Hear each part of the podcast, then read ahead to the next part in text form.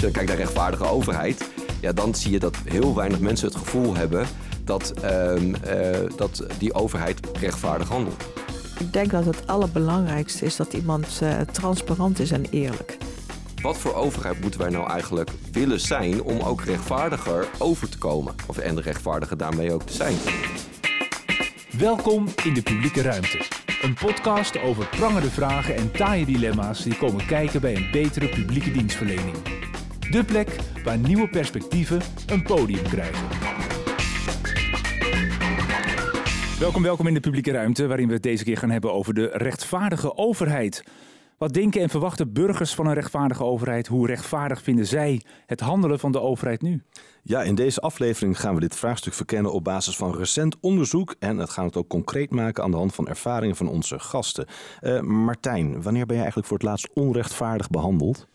Nou, dat is volgens mij al een hele tijd geleden. Maar het, het, punt dat ik het nu nog weet, is, zegt eigenlijk al genoeg. Het was door mijn uh, lerares Frans. Ja, dat is echt waar. dat is echt lang geleden. Dat is echt lang geleden. Uh, ik zat in de tweede, derde en, en die betichtte mij onterecht dat ik had afgekeken. Dus de, ik, de, Martijn, je hebt het weer niet kunnen laten. Je hebt weer... Ik dacht van, ja, ho, hoezo? Het zit diep, hè, dit? ja, nou, en, maar dat ik het nog steeds weet... en dat het gevoel dat je dan hebt dat je iets totaal onterecht... een verwijt krijgt wat totaal niet uh, waar is. Want... Uh, als het waar is, ja, dan kun je er nog onderuit uh, proberen te praten. Maar dan weet je van, oké, het klopt wel ergens. Maar dit vond ik echt onterecht, onrechtvaardig. Ja, ik, ik, denk dat veel mensen die luisteren dit herkennen. En ook meteen de naam van die docent waarschijnlijk nu uh, hardop roepen. Terwijl ze de afwas doen. Oh, kijk, daar heb je hem al. nou, Hans, als je luistert. Uh, bij ons aan tafel twee gasten die zich al langere tijd buigen over een thema rechtvaardigheid. Onze eerste gast, dat was, zij was officier van justitie en procureur-generaal. En daarna minister van Justitie in het kabinet Kok 1. Ze was twaalf jaar lid van de Raad van State en is sinds 2018 minister van Staat. Momenteel is ze ook actief als voorzitter van de Raad van Toezicht bij Stichting Vluchtelingenwerk Nederland en voorzitter van de onafhankelijke onderzoekscommissie Burgerslachtoffers Havidja door Nederlandse wapeninzet in juni 2015. Kortom, iemand die zich in veel rollen heeft moeten buigen over de vraag wat burgers van een rechtvaardige overheid mogen verwachten. Winnie Zorgdrager, welkom in de publieke ruimte. Dankjewel. Um, waaraan herken je eigenlijk een rechtvaardig iemand? Uh, Oeh, dat is een lastige vraag. Maar ik denk dat het allerbelangrijkste is dat iemand uh, transparant is en eerlijk. Ja. Ik denk dat dat het eerste is wat je. Dan, dan, dan ga je nadenken, is het ook rechtvaardig? Maar ik hou heel erg van mensen die open zijn en eerlijk. Juist. Want als je iets te verbergen hebt, ja, dan, dan lopen dingen toch anders. Voelt dat niet goed? Voelt niet goed, nee. nee. Tweede gast die uh, was voorzitter van een groot aantal gemeentelijke rekenkamercommissies en manager van het programma Democratie in Actie. Hij is bestuurslid van het Nederlands Gesprekscentrum dat strategische kennisverwerving van de bestuurlijke en ambtelijke top van Nederland stimuleert. En momenteel is hij directeur kennis internationaal Europa en macro-economie bij het ministerie van BZK. Zijn directie heeft in de zomer een opinieonderzoek laten uitvoeren naar het thema de rechtvaardige overheid. Boudewijn Steur, ook welkom in de publieke ruimte. Dankjewel. Uh, ja, waarom heb je dat onderzoek laten uitvoeren? Ja, we um, doen als directie uh, proberen wij ieder jaar een thema op te pakken waarvan wij denken van um, dit is noodzakelijk dat de overheid hierover na gaat denken en na gaat denken over handelingsperspectieven. Eind 2021 met de toeslagenaffaire net achter de rug, de aardbevingsschade in uh, Groningen waar we nog middenin zaten, de coronacrisis waar we net uh, aan het uitkomen waren, leek rechtvaardigheid drong zich gewoon op ja. als, als het meest logische thema. En, dat is het enige thema eigenlijk. Want, want je zou zeggen iedere ambtenaar is toch wel rechtvaardig? Ja, en ik denk ook dat heel veel ambtenaren gewoon uh, diep van binnen, um, uh, ook toen ze ooit de keuze maakten om um, voor de publieke zaak te gaan werken, dat gewoon als intrinsieke motivatie uh, voelt. Maar je merkt in de praktijk hoe ontzettend ingewikkeld het is om dat dan ook in je werk tot uitdrukking te laten komen. Ja, we gaan een beetje langs de lijnen van het onderzoek. Gaan wij het hebben over rechtvaardigheid, ook wat mensen daarvan van, van vinden. Ehm, maar eerst maar eens dat begrip uh, rechtvaardigheid. Winnie Zorg eraan gezegd net al, uh, transparant en eerlijk. Komt daar uh, bij om de hoek te kijken. Hoe, je hebt het ook onderzocht, maar wat, wat zie jij zelf bij het rechtvaardigheid, Boudewijn? Ja, um, nou ja, goed. Misschien eerst even één stapje terug. Wat, wat voor type rechtvaardigheid heb je? Ik bedoel, je ja, kan precies. kijken. Er is ja. heel veel soorten rechtvaardigheid. Ja, ja dus het is heel ingewikkeld is dat al. Dat je, je kan kijken naar de uitkomsten. Zijn bepaalde uitkomsten rechtvaardig? Dat, is de, dat noemen we dan distributieve uh, rechtvaardigheid. Je kunt ook kijken naar hoe is überhaupt besluitvorming tot stand gekomen. Is dat rechtvaardig gegaan? Dus de manier waarop is dat uh, eigenlijk, noemen we dan procedurele rechtvaardigheid. Nou, zo kun je vijf verschillende soorten, ik zal ze hier niet allemaal opnoemen, uh, kun, je, kun je noemen. Um, dit is gewoon vanuit theoretisch perspectief wat rechtvaardigheid is. Als je gewoon vraagt aan mensen, en dat hebben we gedaan in dat, uh, in dat onderzoek wat je al uh, noemde, ja, dan komen daar een beetje de associaties zoals Winnie die ook al uh, noemde, komen daarin naar voren. Betrouwbaarheid, houdt een, uh, in dit geval een overheid zich aan de regels? Uh, wat, hoe hoe, hoe um, uh, hebben mensen het slechter, ook al zou je verwachten dat iedereen gelijk behandeld wordt? Dus hoe zit het met die uitkomsten? Nou, dat is een beetje wat, het, het gevoel wat bij mensen opkomt. Ja. Als je dan kijkt naar, maak ik me even af als het mag, als je dan kijkt naar rechtvaardige overheid, ja, dan zie je dat heel weinig mensen het gevoel hebben dat, um, dat die overheid rechtvaardig handelt. En dan hebben we toch zoveel mooie regels gemaakt met elkaar. We hebben een rechtsstaat waarin het helder is. Dat handhaven we ook. Je zou zeggen, het is toch klip en klaar? Hoe, zo mooi zijn die regels in het algemeen niet. Hè? Nee, waarom niet? nou, in het algemeen is het misschien iets te veel gezegd. Maar er zijn wel regels waarvan ik dan denk dat dat, dat pakt niet rechtvaardig uit. En nou ja, goed, de toeslagenaffaire is natuurlijk een, een, een voorbeeld. Uh, waarbij eigenlijk de dingen gewoon misgegaan zijn. Ja. Natuurlijk, als, als je eh, nou, dat, dat, bekende uh, verhaal van, van de hardheidsclausule, die er dus niet in zat. Nee. Uh, en waarbij, nou toen zat ik nog in de Raad van State, waarbij we geadviseerd hebben van, joh, dat moet je er wel in doen. Want dan kan een ambtenaar die de intentie heeft om rechtvaardig te handelen, dat, dat, dat lijkt mij ook, die kan dat niet, omdat hij daar, uh, daar, daar de mogelijkheden niet toe heeft. Dus die moet beslissingen nemen waarvan hij zelf denkt, dat is niet rechtvaardig. Ik denk dat dat heel erg is voor een ambtenaar om zoiets te moeten doen. Uh, en dat hebben we destijds ook bij de Raad van State gezien, dat je dan uh, uitkomsten krijgt waarvan je denkt, ja, dat kan toch eigenlijk niet. Uh, en ik vind dat ook, uh, ja, dat, dat vind ik lastig. En dat zie je dus meer gebeuren bij, bij regelgeving. Of doordat uh, de regering door de Kamer daar min of meer toe gedwongen is. Of doordat de Kamer amendementen aanbrengt waarvan je denkt van ja, dat moet eigenlijk zo niet geregeld worden. Ja. En bovendien is het regelgeving soms zo vreselijk ingewikkeld geworden dat je er ook een beetje de weg in kwijtraakt hoor. Maar, maar kun je ook niet zelf daar een interpretatie op loslaten waardoor je toch die rechtvaardigheid kunt borgen? Nou ja, weet je, dat heeft uiteindelijk de Raad van State wel gedaan. Maar ik vind dat een heel moeilijk dilemma. Kijk, er is met overtuiging gezegd geen hardheidsclausule. Dus geen afwegingsruimte. Ja. Um, dan zit je daar als bestuursrechter. En je denkt, ja, geen afwegingsruimte. Dus je moet eigenlijk gewoon strak doen wat, wat in de wet staat. Als je dat niet doet, dan krijg je de, het verwijt van ja, die bestuursrechter die doet alsof die bestuurder is en uh, die gaat zijn gang maar. Uh, dus dat is een enorm dilemma. En daar heeft de Raad van State een tijdje mee gezeten. En op een gegeven moment, ja, dat kan echt niet. En toen hebben ze dus die beslissing genomen van dit is niet rechtvaardig, we doen het anders. Ja. Mag ik daar nog wat op aanvullen? Ja. Want als je dan ook gewoon kijkt naar die, um, naar die uitvoering, dan zijn dat dus ambtenaren um, die misschien wel, als ze al zouden ze beschikken over discretionaire ruimte, dan is het heel moeilijk om daarmee om te gaan. Want je hebt managers boven je, ja, die sturen gewoon ook op de uitvoering van bepaalde regelgeving. Dus het, het, is ook in de praktijk is het nog een keer heel erg ingewikkeld ja. om dan die ruimte te pakken en uh, dan een professionele afweging te maken van um, ja, ik doe het in dit geval wijk ik wat af van de regels. Want in dit geval is het toch wel anders. Het is veel makkelijker en ook veel makkelijker te verantwoorden. Ik volg gewoon die regels ja. en, ik, en, en dat doe ik uh, gewoon. En dat ja, is... het is geen absoluut begrip en dat is lastig. En uh, want ook in de politiek, ja, daar wordt wel mee gestrooid. Maar ja, wat is rechtvaardigheid? Ja. Daar kun je allerlei betekenissen aan geven. Hè? Ik bedoel, als je het hebt over de rechtsstaat, dan zeggen ja, ieder, ieder wat hem toekomt. Hè, dat is een soort van basisprincipe. Maar ja, wat komt iedereen toe? Ik bedoel, uh, en waarom krijgt de een meer dan de ander? Dat is altijd voor discussie vatbaar. Ja.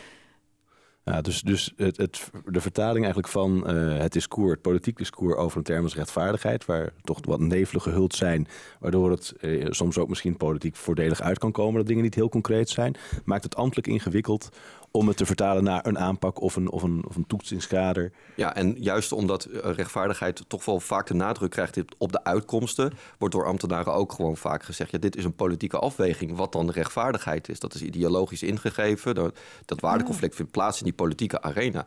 Dat klopt deels. Maar natuurlijk niet helemaal. Want je kan echt wel kijken naar individuele gevallen, hoe bepaalde regelgeving uitpakt. En je kan ook, uh, wanneer je dat andere begrip neemt, procedurele rechtvaardigheid, kan je als ambtelijke professie kun je echt wel uh, de verantwoordelijkheid, denk ik, nemen om te zeggen van, nou ja, de manier waarop we die besluiten tot stand laten komen, uh, kan je uitspraken over doen. Ook hebben we wat van vinden. Dat mag ook gewoon als ambtenaar. Maar toch is lastig, hè? Want eh, als ambtenaar en misschien wel zelfs als juridisch medewerker van, van een uitvoeringsorganisatie, wil je je graag aan kaders houden. En dan is dat begrip rechtvaardig heel vaag. En dan zijn die kaders lekker, lekker, veilig. En, dan, en dan, dan maar wat minder rechtvaardig, maar wel veilig binnen de kaders. Ja, dat klopt. Maar, en, je hebt ook, kijk, als ambtenaar heb je daar denk ik bepaalde opvattingen over. Dat hoop ik. maar de vraag is of dan het publiek dat accepteert. want dat is ook al een punt. Dan vind jij wel dat je rechtvaardig hebt gehandeld. Maar de, degene bij wie het terechtkomt en, die, en die zijn omgeving, die vindt het dan weer van niet. dus je moet het altijd wel kunnen motiveren. Eh, en daar vind ik, ik vind procedurele rechtvaardigheid heel belangrijk, omdat je dan kan uitleggen wat je gedaan hebt en waarom. Ik vind het dus ook, als je kijkt naar dat, naar dat onderzoek, hè, wat we dus nu ehm, eh, eh, uitgevoerd hebben. Uh, je kijkt welke waarden volgens burgers belangrijk zijn bij die term rechtvaardigheid, dan is dat betrouwbaarheid. Dan zijn dat gelijke regels voor iedereen. Dan is dat de aanpak van ongewenst gedrag. Dan is dat mensen helpen die het zwaar hebben een aantal daarvan hebben best wel een politieke dimensie, maar een aantal daarvan ook niet. En die kan je best wel hard maken. Betrouwbaarheid. Ja, dat is wel. Uh, maar dat vind ik wel eigenlijk wel het eerste vereiste voor een overheid. Nou, dat vind ik ook. maar als dat gekoppeld wordt aan rechtvaardigheid, dan kan je als, als ambtenaren. Ja, wij, wij dragen bij aan het wel of niet betrouwbaar zijn van die overheid. Ja. Kijk, en betrouwbaarheid is ook voorspelbaarheid. Ja? En dat, eh, dat mensen denken, oké, weet je, als het dan zo beslist is, dan zal het wel goed zijn. Dat hoop je dat men dat dan denkt. een mooi voorbeeld wat onlangs speelde. Ik werk bij Duo, uh, de studiefinanciering en de rente. Er waren veel studenten uh, over verontwaardigd. Hoezo moet ik nu in één keer rente gaan betalen over mijn lening? Um, ik voelde dat misschien zelfs als onrechtvaardig. Um, Zit dat daar dan dat stuk betrouwbaarheid in? Dat ze onvoldoende zijn voorgelicht of misschien daar kennis van hebben genomen dat dit mogelijker aan zit te komen. Omdat ze vijf, zes jaar lang, zeven jaar lang, weet ik, best wel een lange tijd 0% rente betalen. Dus de huidige generatie denkt van dit is normaal, betaal geen rente. Zit daar die, die voorspelbaarheid in? Is dat daar dan, wordt het dan onrecht, onrechtvaardig? Kan het daardoor onrechtvaardig worden opgevat? Ik, ik, zou die, ja, ik vind het wel lastig om daar voorspelbaarheid aan, aan te koppelen, denk ik. Want dan kan je, als je ooit iets besloten hebt, nooit meer iets anders doen. Uh, maar de manier waarop je dan um, komt tot dat besluit en de manier waarop zeg maar, ook studenten betrokken zijn en de manier waarop dat ook uitgelegd wordt um, uh, vervolgens, daar kan je volgens mij heel veel winst uh, nog boeken. En dan, dan zullen echt mensen het ook wel begrijpen. En als mensen het ook wel gewoon weten waarom iets gedaan wordt, ja, dan, dan is dat gevoel van onrechtvaardigheid is, komt binnen snel om de hoek kijken. Denk ik in ieder geval. Ja, het heeft ook sowieso met communicatie te maken. Als je ineens te horen krijgt van je gaat nou rente betalen. En als je dan uitlegt van nou je hebt al die jaren heb je voor nul rente heb je kunnen lenen. Kijken, alle rente gaat omhoog. Dus als je nou toekomstig leent, toekomstig, hè, dan ga je wel rente betalen. Ja. Dan hoop ik wel dat die studiefinanciering dan weer uh, wordt, wordt, wordt, hersteld. Kijk, dat compenseert weer een beetje. Precies. Maar als je kijkt naar, naar communicatie, hè, waardoor die voorspelbaarheid toeneemt, dan moet je dat niet alleen achteraf doen, wat nu vaak bij de overheid gebeurt. Nee, van, oh ja, dus nee, het het dan in, dus u bent, uh, u bent het bokje. Uh, je moet het dus eigenlijk ook vooruit vertellen. Je moet, het, je moet het inleiden. Precies. nou, nu kreeg ik wel onlangs van de Belastingdienst, in het kader van kinderopvangtoeslag die wij ontvangen, een hele lieve brief. Echt, ik herkende de Belastingdienst er eigenlijk niet meer in, waarin ze zeiden van, nou, u heeft toen ook opvangtoeslag ontvangen. En daar staat nog een stukje van open. En u krijgt binnenkort van ons een brief waarin we u gaan vragen om dat te betalen. Die, die brief dus aankondigde was gewoon dat ding uit het systeem waarin staat betaal nog 100 euro en dan ben je klaar. Uh, maar ik kreeg dus een inleidend briefje, dus preventieve communicatie. Of een Hoe soort... voelde dat? Ja, ik was een beetje in de warm dat ik dacht dat ik alles al netjes had betaald. Maar ik vond het wel grappig dat ik duidelijk voor mijn gevoel, dat ik de overheid een beetje ken, uit een hele andere hoek van die belastingdienst een brief kreeg. Die ging aankondigen dat hun collega's, die gewoon nog steeds die machine bedienen, mij een brief gingen sturen. Ja. Nou ja, vroeger werd je meteen als fraudeur aangeschreven, ja, toch? Dus is toch iets verbeterd, hè? ja, absoluut. Maar misschien, we hebben het over rechtvaardigheid. Uh, jullie hebben ook vraag, nagevraagd gedaan, wat is onrechtvaardigheid? Ik ben wel benieuwd, uh, als mensen die vraag beantwoorden, vinden ze het makkelijker om te zeggen wat onrechtvaardig is of wat rechtvaardig is? Nee, je merkt dat bij um, de vraag naar rechtvaardigheid uh, het echt alle kanten opschiet. Ehm, en dan gaat het ook echt over al die vormen die ik eerder ook al aangaf. Hè. Ehm, en uh, elke associatie geldt eigenlijk wel als uh, ja, iets wat met rechtvaardigheid te doen heeft. Bij onrechtvaardigheid is dat inderdaad anders. Uh, want dat, dat raakt mensen blijkbaar ook op een bepaalde manier. Net als jij vroeg bij jou, Frans. als jou gevraagd werd van hoe moet jij behandeld worden als leerling... dan zul je waarschijnlijk gewoon heel veel antwoorden hebben gegeven. Maar ja. jij wees waarschijnlijk wel een heel scherp antwoord te geven op... als jij onrechtvaardig, dat is ja. namelijk beschuldigd worden van iets... Uh, wat je niet gedaan uh, hebt. Nou, dat merk je ook gewoon in dat, uh, in dat onderzoek. Dat zit echt op ongewenst gedrag, dat zit op onbetrouwbaarheid en dat zit op discriminatie. Dat zijn echt de drie termen die boven komen drijven als het gaat om, om onrechtvaardig handelen. Ja. ja. die, die zijn een stuk scherper dan wanneer je vraagt naar die rechtvaardigheid. Ja. En, en, en, alleen al een term als ongewenst gedrag. Uh, we hebben nu ook weer in de Kamer daar regelmatig discussies over gezien van Kamerleden die het veld ruimen vanwege ongewenst gedrag. Dat uh, gaat van de voormalig Kamervoorzitter tot, tot gewoon Kamerleden. Uh, in, in de volle breedte sneuvelen er mensen. En het is elke keer maar weer zoeken wat daar precies mee bedoeld wordt en, en wie dan die norm stelt. Um, heel goed dat er aandacht voor is, maar slaan we niet op sommige punten daar dan ook in door, juist omdat het nog een vaag begrip is? Wat ongewenst gedrag is. Ja. Ik, ik, ik zou eerder zeggen dat we vroeger uh, veel meer ongeschreven wisten wat bepaalde normen waren. En, en dat dat wat vager geworden is. En, en dat we weer terug moeten naar toch voor onszelf wat duidelijker stellen welke norm wij belangrijk vinden en ons daarom vasthouden. Dat vind, ik vind dat ja. wel een wat andere vraag, geloof ik. Ja, uh, precies. Maar een gesprek over normen vergt ook politiek discours. Zeker. Uh, nou mogen we, wat mij betreft, kunnen we daar best wel op sommige momenten normatiever in worden. Op het gebied van rechtvaardigheid dan. Hè? Want uh, die brief die jij gekregen eh, hebt... Uh, ik vind dat wel een goed voorbeeld dat we nieuwe normen aan het stellen uh, zijn over hoe willen wij nou omgaan met, met, met die burgers die dergelijk die op die manier communicatie krijgen van die overheid. Uh, ik weet niet hoe vaak jullie brieven van de Belastingdienst hebben gekregen die jullie niet snappen. Maar ik heb geregeld brieven gekregen die ik niet snap. En ik, ik durf toch wel te zeggen dat ik, dat ik redelijk in zeg maar, dat hele taalgebruik van de overheid. Is dat dan een voorbeeld uh, van ongewenst gedrag? Dit vind ik dus een voorbeeld van ongewenst gedrag. En dat we daarin op, uh, in, in termen van rechtvaardigheid, ook in communicatieve zin, normatiever moeten gaan worden. Ja, wat voor overheid moeten wij nou eigenlijk willen zijn om ook rechtvaardiger over te komen? Of, en rechtvaardiger daarmee ook te zijn. In ieder geval dat mensen snappen waar je überhaupt wat er gaat gebeuren. Ja, ja, ja nog even over die belastingdienst. Hè? Want uh, inderdaad, ik vond het wel een heel mooi voorbeeld. Want ik heb ook wel eens een brief gehad. Want daar, nou, daar denk ik van, ja, wat heb ik verkeerd gedaan? Maar je wordt dus aangesproken op ja. een manier. En dat vind ik dus onrechtvaardig. Eh, misschien ben ik best wel wat vergeten, weet ik veel.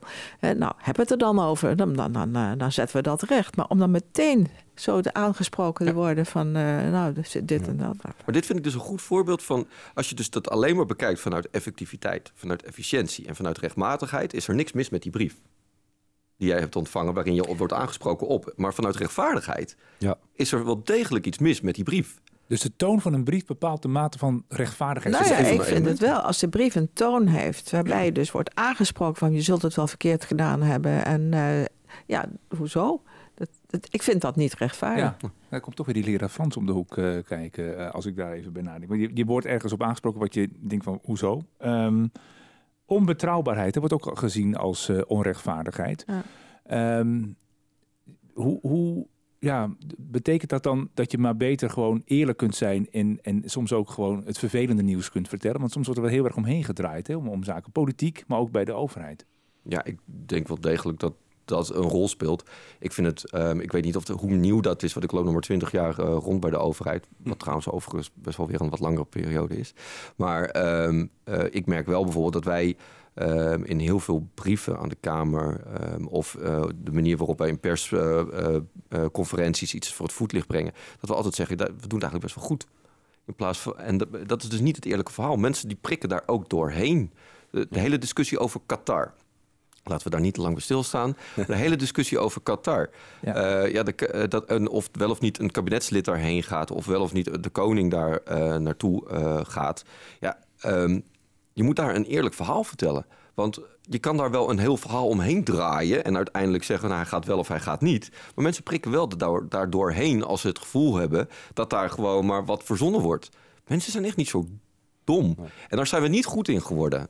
ik denk dus dat we daar slechter in geworden zijn. Ja. Maar een voorbeeld bijvoorbeeld van, van, van bestuurlijke onbetrouwbaarheid, hè? dat is uh, Zeeland. de mariniers die naar Zeeland zouden gaan. Ja, Vlissingen. nou, Vlissingen die bereidt zich daarop voor, hè, voor voorzieningen enzovoorts. En dan plotseling gaat het niet door. En Zeeland is al een provincie die het moeilijk heeft. Hè, en dan krijg je, krijg je zo'n bericht. Nou, ik vind dat bestuurlijk onrechtvaardig. Ja. En hoe kom, ja, dat moet je dus gewoon niet doen. Of moet je daar weer het goede nou verhaal bij vertellen? Nou ja, nee, kijk.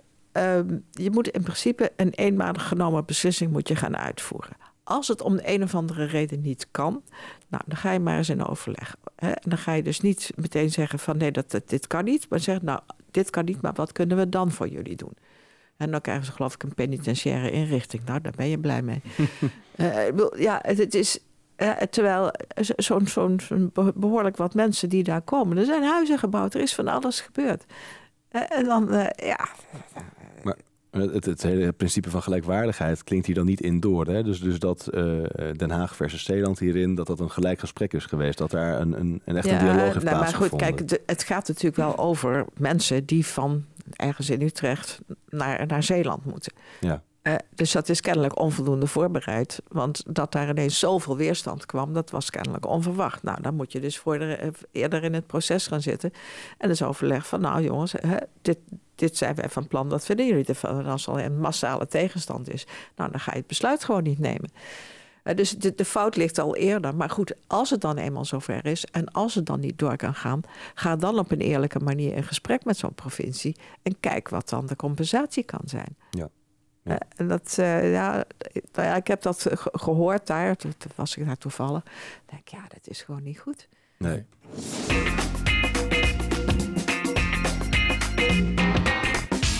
Is rechtvaardigheid nou altijd de prevalerende waarde? Moet die altijd de prevalerende waarde zijn? Nee. Dat, is in ieder geval ook niet de uitkomst geweest van, uh, van uh, van onze onderzoeken en uh, van onze activiteiten. Wij hebben alleen gezegd, uh, op dit moment zijn er veel te weinig handvatten voor mensen om die waarde van rechtvaardigheid wel een plek te geven. Op sommige momenten. Ja, maar het hoeft niet altijd bovenaan te staan, rechtvaardigheid. Ik vind dat een hele moeilijke vraag. Omdat, je, omdat ik ook niet weet wat, wat voor soort van rechtvaardigheid je dan bedoelt. want ja, het kan, het kan zo verschillend zijn. En in sommige gevallen dan dan denk ik dat misschien andere dingen belangrijker zijn. Maar ik vind op zich rechtvaardigheid in een samenleving, in een rechtsstaat, wel een van de kernwaarden. Ja. Nee, maar, als je compensaties uitdeelt, die komen soms bij de een wat beter terecht dan bij de ander. Uh, maar dan heb je qua efficiëntie het wel snel geregeld. Maar dat voelt soms wat minder rechtvaardig. Uh, welke waarde laat je dan prevaleren? Ja, maar kijk, dan kijk je dus naar. Uh, kijk, je hebt naar iets, een, een soort van positief iets. Hè. Je geeft geld en de een krijgt meer geld dan de ander. Die heeft het misschien minder nodig dan de ander. Maar als je het nou omkeert in de, in de sfeer van benadeling, hè, dan vind ik het veel pregnanter. Als je begrijpt wat ik bedoel. Ja, ja, ja, ja, Wat je niet krijgt. Dat doet meer pijn dan wat je wel krijgt. Nou ja, precies. Kijk, en hier krijgen dus mensen te veel. Dat is niet rechtvaardig. Maar als je zegt van sommige mensen krijgen iets en de anderen krijgen helemaal niks. Ja. Ja, dat, dat, dat voelt anders. Ja. Dat is, en dat vind ik dus wel weer interessant. Eerder vroeg je, van, eh, maak, kan je nog scherper maken wat rechtvaardig is en wat onrechtvaardig is? Hier merk je dus heel erg duidelijk, onrechtvaardig valt dus veel scherper te maken. Ja. ja. Dus misschien hadden wij onze titel wel moeten geven... de onrechtvaardige overheid. Uh, om, uh... Ja, nou, misschien zou het thema van volgend jaar van jullie directie dan. Dat zou ook komen kunnen. Ik vond ook nog wel een interessant punt in jullie onderzoek. Uh, um, daar blijkt eigenlijk dat zo'n rechtvaardige overheid... ook door, door inwoners, door burgers... veel minder geassocieerd wordt met een uitgangspunt... zoals nou, de, de afweging tussen kosten en baten.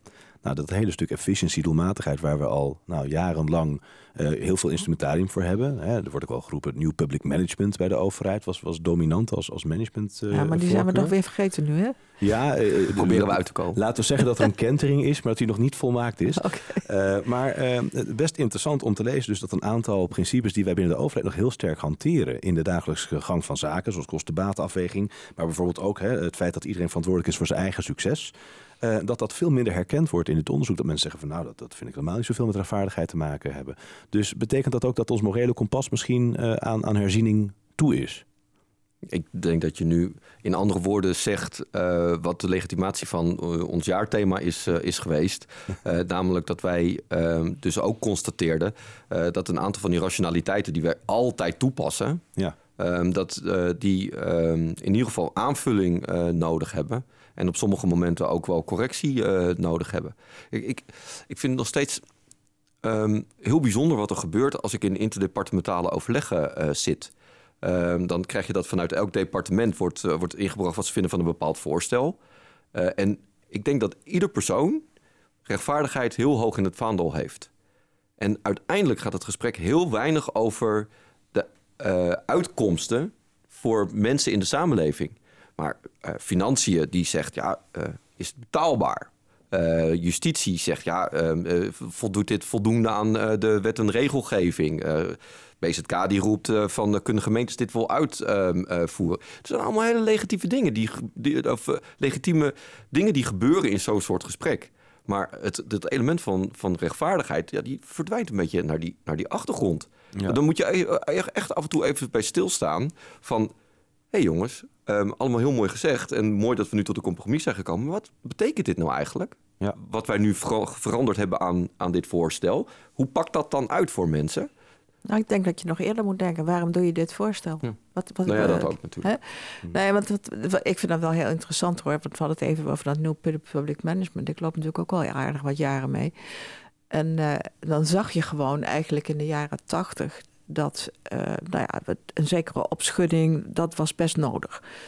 En uh, ik weet al wel, dat het, er liepen ook soms ambtenaren rond die, die, die betaald werden, maar niemand wist waar ze waren. Dus dat, dat soort dingen, dat gebeurde niet meer maar goed, en dan krijg je op een gegeven moment, oké, die overheid die gaat dan op een andere manier georganiseerd worden, namelijk bedrijfsmatig. Er werd heel erg naar het bedrijfsleven gekeken, want zo moeten we dat doen. Rationeel. En dan kregen wij business units en, en nou ja, van alles. En dan denk ik, wacht even, we zijn wel overheid, hè? we zijn geen bedrijf. en dan krijg je daar overheen een, uh, het idee van, nou ja, dat was eigenlijk in mijn tijd dat, dat marktwerking ineens heel erg populair werd. Nou, langzamerhand zijn we er wel achter dat dat een beetje doorgeschoten is maar het idee dat mensen verantwoordelijk zijn voor hun eigen succes, dat speelde daar ook tussendoor. de, nou ja, zeg maar de, de, participatiesamenleving is natuurlijk van zoek het zelf maar uit. En je ziet gewoon wat het resultaat is. En dan vind ik, dan, dan doet de overheid gewoon zijn taak niet goed. Waarvoor is een overheid? Die is om zwakkeren ook te beschermen. En als je zegt van, nou, die participatiesamenleving, je bent verantwoordelijk voor je eigen succes, dan verlies je dat een beetje uit het oog. En we zien daar nu de gevolgen van. Uh, natuurlijk, in het, in het, begin zeg je, nou, de verzorgingsstaat was misschien wel heel erg verzorgend. Hè? En zo'n prachtig boekje van professor De Zwart. De overheid is geen geluksfabriek. Verder kon de overheid alles bieden, maar geluk was natuurlijk net even iets te veel. Uh, nou, nu biedt de overheid gewoon heel erg weinig en moet je het zelf doen. En als je ziet hoe moeilijk het is voor mensen die dat niet zelf kunnen, om dan toch te krijgen waar ze eigenlijk recht op zouden moeten hebben, ja, dat vind ik ook een soort van maatschappelijk onrecht. Uh, en ik denk dat we daar met z'n allen eens over na moeten denken. Hoe we daarmee omgaan. En hoe je daar. Het is natuurlijk ook een politiek ideologisch verhaal, dat weet ik wel. Maar dat verhaal mag wel een keer verteld worden. En ik vind dat ook die discussie wel eens plaats mag vinden. we zijn doorgeslagen. Ja. In marktwerking zijn we doorgeslagen. Ik denk dat nou, bijna iedereen vindt dat nou ook wel ongeveer. Ja, maar ook in eh, bedrijfsmatig denken, in cijfers. Nou ja, inderdaad. In, in, uh, ook in die het hele taalgebruik, hè, sturingsmechanismen en, en van alles. En dan denk ik, ja, maar je bent als overheid geen bedrijf. En ik denk ook dat in die zin dat New Public Management misschien in een ander jasje, dat noemen we tegenwoordig public value management. En nee, we hebben allemaal eigenlijk even nieuwe eufemismes hebben gevonden. Prachtige nieuwe Nederlandse termen. Ja, voor. prachtig, prachtig. Ja. Nee, ja. Uh, maar het is allemaal heel erg managerial is het ingestoken. Ja. Het, is, het zit nog steeds in dat bedrijfsmatige denken. En ja, we hebben wat andere waarden eraan gekoppeld. Maar uh, de participatiesamenleving uh, is wel een term die echt niet uit begin jaren 2000 stamt. Dat is gewoon 2014 geloof ik, hè? was dat? 2015? Ja, het kabinet de Balkenende, daar komt het hm. vandaan. En, uh, maar ja, en dan is er ook nog wel weer een verschil tussen een uitvoeringsorganisatie, wat je best op een redelijk efficiënte manier moet, moet runnen. Met z'n allen waarborgen van dien en afwegingsmechanismen enzovoort. En een kerndepartement, dat is natuurlijk iets heel anders. Hè, daar, daar, daar, daar vinden andere processen plaats. Hè, maar om het allemaal in een soort van bedrijfsmatigheid te gieten. Ja, dat vind ik echt. Ja. maar dit vind ik wel interessant, ook in relatie tot het programma Werk aan Uitvoering. Hè. Daarin wordt geconstateerd dat de afstand tussen beleid en uitvoering eigenlijk onnodig groot geworden ja, is. Ja, maar ik weet, ik ben nog uit de tijd dat het, uh, dat was het adagium scheiding van beleid en uitvoering. Dat moest absoluut gebeuren. Er liepen allerlei goeroes rond hier bij de overheid die dat uh, verkondigden en dat moest dan gebeuren. En wat je kreeg, dat was dat de uitvoeringsorganisaties kwamen met allerlei verantwoordingsmechanismen enzovoorts. Die maakten ook beleid. Terwijl een kerndepartement dan een soort van controleunit had enzovoort. Ik vroeg me af, is dat heel erg efficiënt? Maar goed. dus, maar dat was een soort van bestuurskundig adagium. Dat moest gebeuren. En zo zijn er meer van die, van die principes doorgevoerd... waarvan je denkt van ja, past dat nou wel bij de overheid? Ja. Dat hebben we misschien te ruksigloos doorgevoerd en onvoldoende gecheckt of dit wel werkt. Ja, maar het zijn, het zijn bestuurskundige opvattingen die op een gegeven moment aanslaan. Ja. En dan overal worden doorgevoerd. En dan denk je, ja, was dit eigenlijk wel een goede beslissing? Hebben het gehad over uh, rechtvaardige overheid. Eigenlijk uh, onrechtvaardige overheid maak ik het eigenlijk scherper als je het daarover hebt. Uh, ik heb een paar dingen opgenoemd, op, opgeschreven die, die, waar, waar we langs zijn gaan... en die mogelijk de overheid wat rechtvaardiger zouden kunnen maken. Transparanter zijn, enorm in communicatie. Meer daar vanuit een bepaalde norm communiceren. Meer kennis in huis halen, meer inhoud in huis halen. En de vrijheid geven aan professionals. Heeft, hebben jullie daar nog iets aan toe te voegen? Wat, hoe krijgen we nou een rechtvaardigere overheid? Ja, maar één norm, dat vind ik een beetje een moeilijke term. Wat bedoel je daarmee? Nou, volgens mij kwam jij ermee. Ja, dat we wat normatiever ook uh, Op die eh, manier, mogen zijn. ja, ja, ja, uh, ja tenminste, ja. zo vat ik hem op. Hè. Dus die bedoel, zo bedoelde hij hem toch. Ah, ik stond ja, ja, even enorme overheid. Toen dacht ik, nou, Nee, niet een enorme, enorme. overheid. Nee. nou. Ik vond, ik vond stond wel één norm. Dat we allemaal de Maar- brief krijgen die Otto ook kreeg eh, in, in, de, in dezelfde soort taal. Ja, maar ik Ja, vind maar dat- ook, ja, dat vind ik nou ook alweer wat anders. Ik vind, kijk, dat de, de overheid zelf ook een moreel kompas Ja. heeft. Dat vind ik belangrijk. Ja, ik bedoel, je vraagt dus eigenlijk van politici. Ik, vind- ja, ik hoop dat de meeste politici toch wel een, een moreel kompas hebben. Maar ik vind dat de overheid dat ook moet hebben. En dat dat ook in de ambtelijke organisatie gewoon is ingebakken. Natuurlijk heb Ja. je dat. En dat, een aanvulling erop, ook de, de punten dus die je noemt. eh, ik zou gewoon wat meer willen investeren in, ehm, in die ambtelijke organisatie. Hoe je dit dan ook moet, moet doen. Ehm, eh, ik vind sowieso, eh, nou leef ik erg mee met eh, de oproep om ehm, eh, meer aandacht te besteden aan het investeren in je ambtenaren op de inhoud. Maar die inhoud is wat mij betreft ook.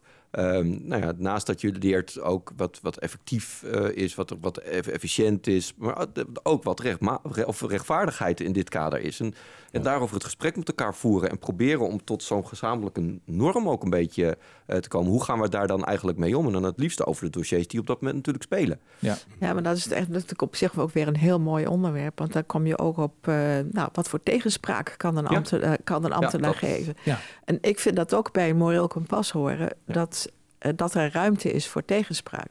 Eh, en dat een leidinggevende niet zegt, bam, zo is het en dat doe je maar. Maar dat je op een gegeven moment wel die discussie hebt. En na de discussie moet er natuurlijk wel iets gebeuren. Maar het idee van, van, van tegenspraak is nou, niet overal inge, eh, in- ingeburgerd Nee, hoor. nee, daar hebben we het al uitgebreid over gehad, ook in de podcast. Oh, dus nou, eh, dat komt mooi. Eh, maar als oud-minister van Justitie en ook misschien als eh, minister van Staat... wat zou je bijdrage kunnen zijn aan het ontwikkelen van zo'n moreel kompas van de overheid? Mijn bijdrage? Ja, Nou ja, deelnemen aan zo'n podcast Ja, als deze. goed. maar, maar hoe, hoe Nee, maar wat ik heel belangrijk vind... Dat, welke oproep dat, zou je willen doen? Ja, op, nou weet je, ik vind ook als je het nou helemaal bij het begin begint... eh, we hebben net helemaal in het begin even de term ongewenst gedrag hebben we genoemd. En eh, ik vind dat heel belangrijk. Hoe ga je met elkaar om? Want dat is, en dan noem ik dat liever verantwoord gedrag dan ongewenst gedrag. Hoe ga je met elkaar om? Wat voor team ben je? Eh, wat, wat voor ruimte heeft iedereen? Eh, hoe doet iedereen zijn werk? En ik denk dat als je daarover praat met z'n allen, dat je dan een betere organisatie krijgt. Dan wanneer dat allemaal verborgen blijft en de leidinggevende gewoon alleen maar commandeert. Ja, want dat heb je ook. Eh, En dingen als machtsverhoudingen en zo. Dat speelt allemaal een rol bij verantwoord gedrag. En dat heeft met de kwaliteit van je organisatie ontzettend veel te maken. Ja. En het is ook wel nodig hè, om dit aan te vliegen. Want misschien om daar ook uh, nog even aandacht aan te besteden. In het onderzoek uh, blijkt ook dat uh, de burgers eigenlijk, als je het hebt over het onrechtvaardig handelen van verschillende instellingen, de Rijksoverheid met kop en schouders bovenaan staat, Boudewijn. Ja. 38 procent, dat is een, een redelijk schrikbarend getal. Hè, zeker als je het vergelijkt bijvoorbeeld met, nou de rechtspraak krijgt maar 22 procent die dat onrechtvaardig acht. Of de provincies 19 of gemeente 24 procent. Kortom, er is een enorm verschil in beleving. Dus als het gaat om onrechtvaardigheid dat die Rijksoverheid daarin dus blijkbaar anders gewaardeerd wordt door inwoners dan die andere instellingen die ik net noem. Ja. Ehm, hoe, hoe, hoe ervaar je dat zelf als je zo'n rapportcijfer krijgt? Want jij werkt bij die Rijksoverheid. Ja, ik, nou ja, één, ik trek het me aan. Uh, twee, ik herken het ook wel. Uh, vanuit twee perspectieven. Eh, ik denk dat heel veel mensen gewoon uh, als een overheid iets doet, dat ze het al vrij snel plakken op die Rijksoverheid. Dat blijkt ook uit onderzoek dat, dat heel veel mensen denken, oh, dat zal het Rijk wel ergens iets mee te maken hebben.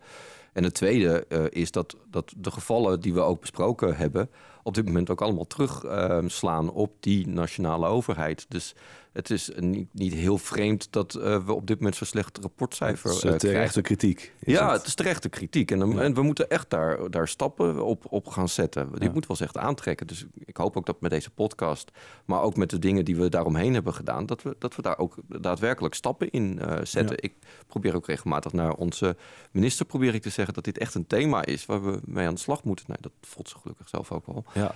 Ja, want er is ook een, een neerwaartse trend geconstateerd. Hè? Ja. Mensen die worden ook eigenlijk steeds, steeds negatiever hè, over dat overheidshandelen en het rechtvaardigheidsoordeel ja, daarin. Komt dat misschien ook omdat uh, de Rijksoverheid wat minder benaderbaar is? Kijk, bij een gemeente kan je nog eens naar een loket. Uh, en bij de Rijksoverheid is dat toch lastig. Je, je, je communiceert veel schriftelijk en dan in uh, redelijk onbegrijpelijke taal. En dat, ja. ja. dat is gewoon veel moeilijker. En ja, en als je nou ook al weet dat bepaalde dingen dus gewoon automatisch worden gegenereerd, ja, dat, dat, dat past vaak niet helemaal op, uh, op, op de situatie van burgers die daar uh, mee te maken hebben. Nee. Uh, en ik wil niet zeggen dat bij de gemeentes alles idea ideaal loopt, maar je kunt naar een loket en vaak zitten daar nog mensen die je goed kunnen helpen. En dat scheelt een stuk hoor. Ja, maar die worden wel weer meer opgetuigd, hè, die loketten, juist van de Rijksoverheid. Ja. Juist ook van uitvoeringsorganisaties. Oh ja, maar, ja, maar dat is juist heel goed. He, maar dan moet er dus wel iemand in zo'n loket zitten die ook van wanten weet en een burger kan helpen. Ja. Mm -hmm. Ja, en ik denk ook wel dat toch ook wel een, een, een, vraag blijft in hoeverre komt dat gevoel, dat rapportcijfer, komt nou voort uit uh, rechtstreekse contacten met die overheid en met mensen ook binnen die overheid? En in hoeverre zijn het misschien ook wel mensen die in, in zekere zin ja, niet um, uh, die communicatie hebben gehad in de afgelopen periode, maar wel allemaal dingen zien en horen? Ja, ja beelden. Ja. Beelden. Dat, ja, en dat, kan dat, ook wel. Ja, dat, dat telt ook gewoon mee. Dus het, het, is heel moeilijk volgens mij om te zeggen, nou deze drie oorzaken zijn het en die gaan we even oppakken. Ja, ik denk dat het nee, echt een. Dan zou het hele rationeel, doelmatig en efficiënt gaan Zeker, tackelen. dat zou heel erg juist zich leent ja, voor als, een ander als type Rijksoverheidsambtenaar zou ik zeggen, oh, ja, geweldig. Ja. Nee, maar als er één overheid is ook waar het meest over wordt gecommuniceerd, is het ook de Rijksoverheid. Ja. Dus die beelden zouden daarin goed kunnen ja. versterken, inderdaad. Ja. Mm, kijk aan. Maar goed, kortom, voldoende aanleiding om hiermee aan de slag te gaan. Mooi dat het rapport er is. Uh, komt er volgend jaar of over twee of drie jaar dan een vervolg? En kunnen we dan kijken of het daadwerkelijk beter is gegaan? Of, uh, of ben je nog niet zo ver? Ja, wij, wij doen, um, wij, wij, wij brengen nog een essaybundel uit. Uh, en die wordt echt mooi. Er staan echt gewoon hele goede bijdragers komen daarin te staan. Um, verder hebben we ook wel een aantal activiteiten binnen Binnenlandse Zaken. En praten we ook met de mensen die nadenken over hoe functioneert de Rijksoverheid. Dus we hopen dat daar ook wel een, het een plek in uh, krijgt. En wij hopen, als, toch wel een beetje als een directiestrategie, uh, dat bepaalde thema's op een gegeven moment opgepakt gaan worden. Juist binnen andere uh, onderdelen van, van de Rijksoverheid. Dus daar gaan we de komende periode nog wel op inzetten. Ja. ja en wij kijken altijd wel een aantal jaar later terug van hé, hey, wat is er nou eigenlijk gebeurd en moeten we daar dan nog wel ja. Maar ik denk dat dat morele kompas, dat heeft me wel getriggerd. En ik denk wel van, we hebben heel veel overgenomen van het bedrijfsleven, vooral ja. qua efficiëntie. Maar als je hebt over grote bedrijven, die hebben volgens mij ook die waarden gewoon op een rijtje staan. En ook hoe willen wij de klant zien, hoe, wil, hoe, hoe zijn wij er voor de klant. En volgens mij hebben we nou dat stukje net niet goed overgenomen.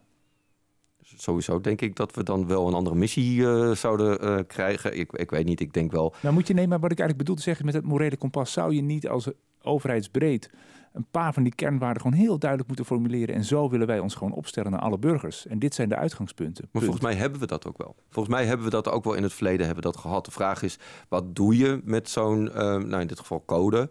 Ehm, en is die, staan nou de goede dingen in die code? En ik denk dat, dat um, op beide gevallen het antwoord is dat we daar te weinig mee gedaan hebben. Dat rechtvaardigheid hoort daar een plek in te hebben, hoe moeilijk dat ook te operationaliseren valt.